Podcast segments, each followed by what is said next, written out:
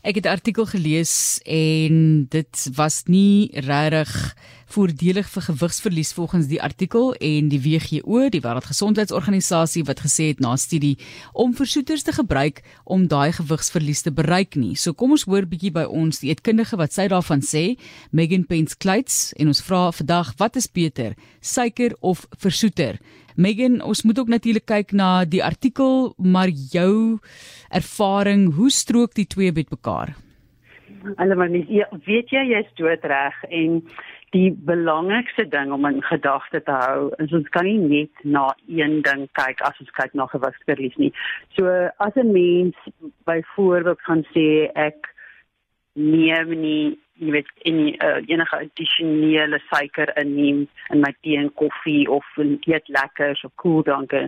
Ek dink dat dit die antwoord gaan wees vir langtermyngewigsverlies gaan dit nie. Want as 'n mens kyk na net om die dieet te verander en dan versoeters in die plek daarvoor in te sit, gaan korttermyn is daar bewys met hierdie studies dat jy wel 'n bietjie van 'n gewigsverlies gaan hê, maar jy gaan nie 'n langtermyn effek kan kry nie.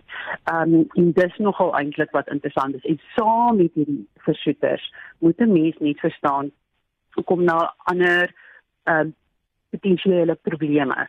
So as 'n mens wel suiker gaan gebruik, is dit die een of die ander. Wel, as 'n mens kyk na ehm um, gesond eet, moet jy onthou, ons sê selfs met suiker moet 'n mens nie eintlik meer as 5% ehm um, en dan van jou energie inhoud van jou dieet inneem as jy die addisionele suikers nie. En as jy nou eintlik 'n nommer wil gebruik, dan kyk ons so hier, jy weet min of meer by 7 8 teelepels 'n dag vir die gemiddelde ehm um, jy volwassene.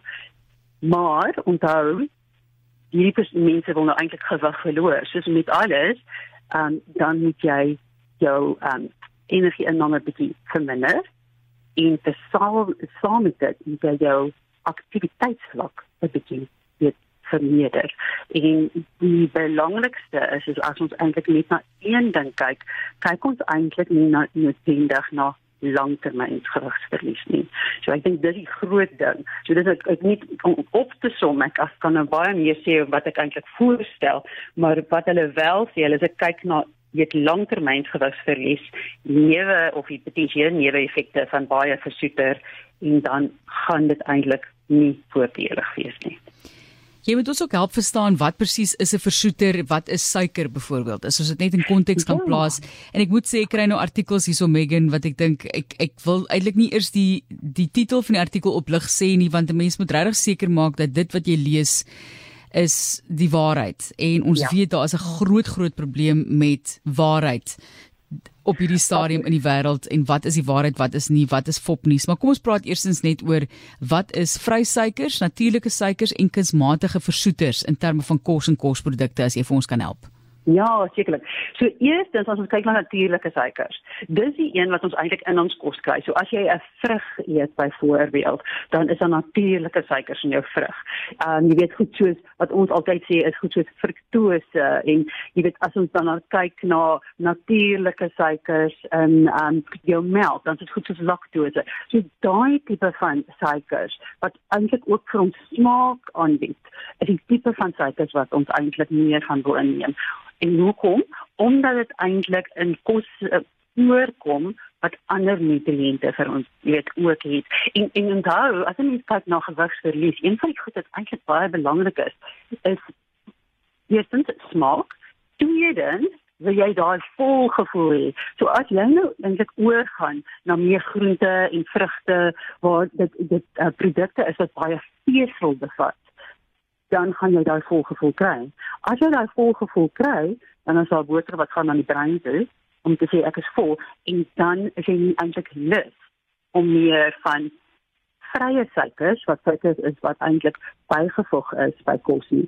So ons het ons byvoorbeeld ons yoghurt waar hulle ook suiker by sit. Jy kan natuurlik daai sonder suiker kry en ons vra jy weet ons dis wat ons voorstel, maar as jy suiker by goed begin insit, dan is dit vrye suikers in jou, jou tee, jou koffie, jy weet lekkers, um koeldranke en so meer.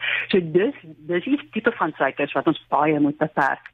En dan jou versoeter. Jou versoeter uitwyd, maar wat dit eintlik beteken jou ehm um, versoeters is dat ons kyk na daai wat nie eintlik dit word nie volledig in die spysverteringskanaal ehm um, geabsorbeer nie.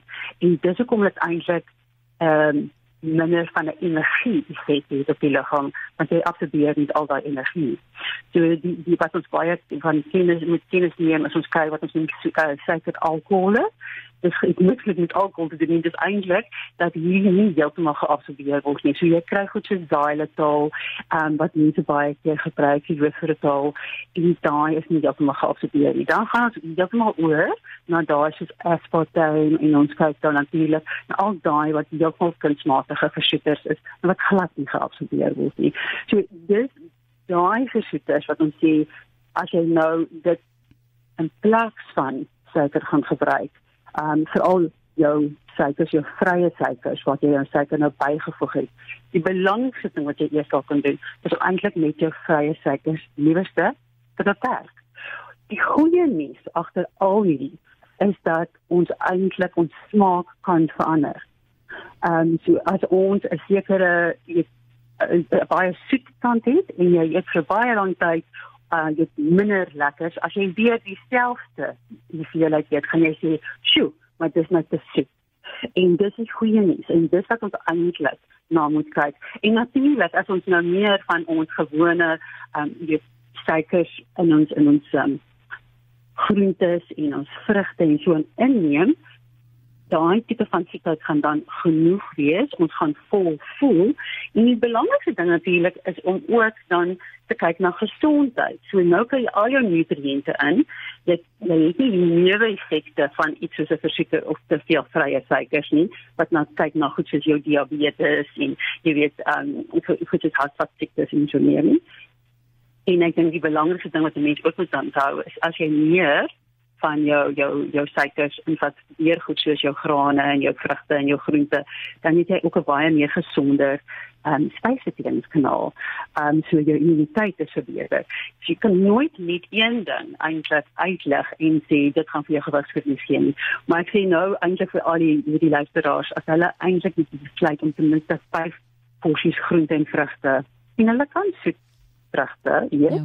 'n dag inneem en gereeld eet, gaan hulle eintlik vind nie daai verandering sal alkohol gewigsverlies bring.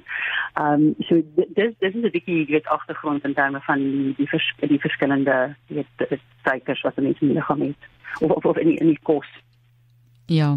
Want ek moet sê Megan nou ek het nou die dag genoem ek is daar in 'n winkel 'n apteek en ek sien toe in hierdie gesondheids laan daar is jelly. Daai jelly het iets soos 20 kilojoules in per 100 ja. gram wat nou min is, né? Nee? Ja, ja. En ek dink myself dis mos nou fantasties. Ons eet nooit jelly nie want ek dink elke keer in die klomp suiker en en meer spesifiek die vet maak die kilojoule gedeelte daarvan. Jy weet nou dink ek by myself dit maak mos nou net sin om dit liewer te eet as jy dit nou en dan gaan eet eet liewer dit as wat jy nou een eet met 'n klomp suiker in. Maar so kan 'n mens binne die konteks van die WHO se bevindinge daarso byvoorbeeld 'n stelling maak en sê goed, dit gaan nie vir jou help vir gewigsverlies nie of ja, dit gaan definitief vir jou help in terme van jou kilojoule inname as jy dit liewer eet bo iets wat vol suiker is. So dit is die tipe van redenasie wat in ons koppe in die gang is dink ek wanneer jy kyk na hierdie twee aspekte.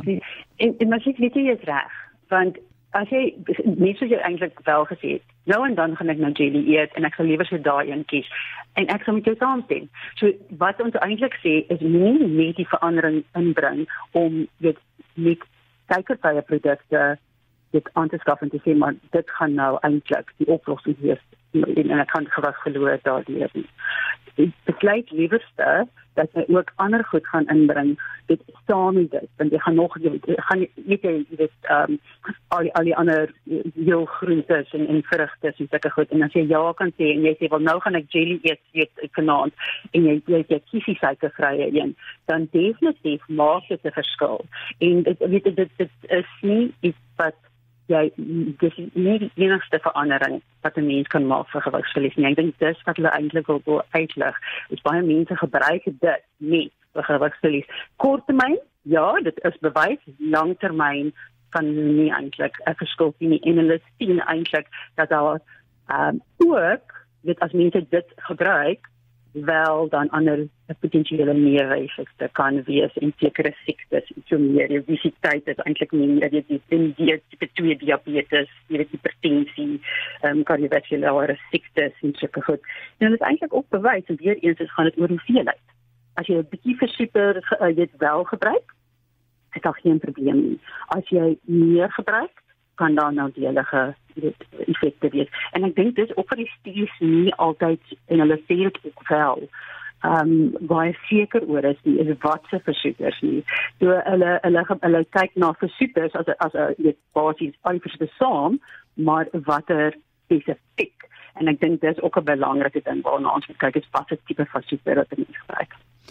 Ek het verwys vroeër na Elsa Milan Olivier se e-pos en kyk vandag gaan dit nou oor gewigsverlies. Eh, so ons kan ongelukkig nou nie uitbrei oor ander siekte toestande en en effek byvoorbeeld wat suiker of versoeter daar kan hê nie want ons het letterlik net hierdie tyd nie.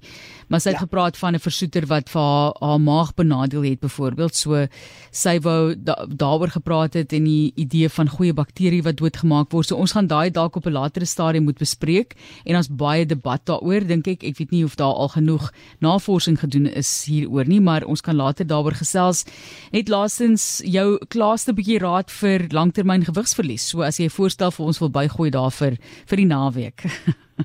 Definitief. So dit die, die ek dink wat, wat die fokus moet wees eerstens is om te sê ek kan iets wat suikervry is gebruik, maar dit moenie my go-to wees nie. Dit moenie die ding wat ek eintlik die prioriteit is nie.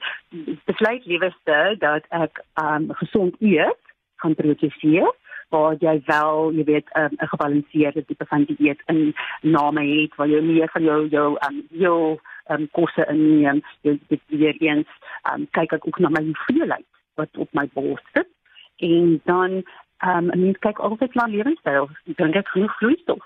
Um en as ek wel vloeistof drink, kyk ek altyd, jy weet, uh miskien uh kunsmatig versoete koeldrank of drink ek baie keer water en miskien dat ek meer daarvan drink. En dan terselfdertyd gaan stap.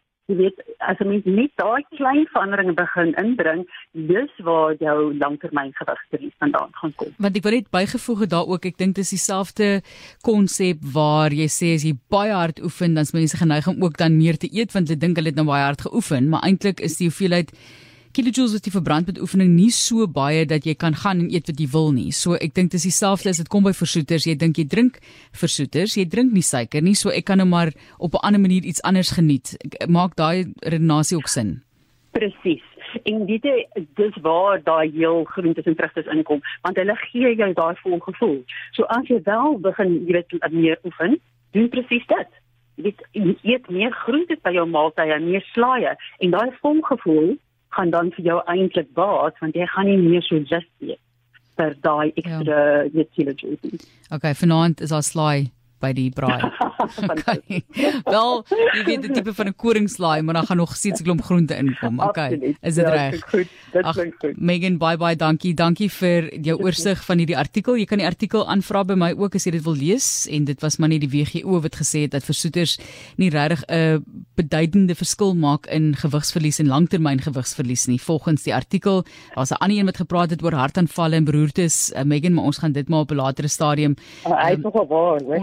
Onder die loop moet neem. Goed, wel dit is dan moet ons verder gesels daaroor want ek dink dis die bekommernis eintlik is dat dit ja. jy weet daar mense is wat sê dit is nie goed vir jou nie. Maar goed, kom ons bespreek ja. dit op 'n ander dag. Baie dankie vir die raad. Dankie. Dankie. Dit is die kundige Megan Pence Kleits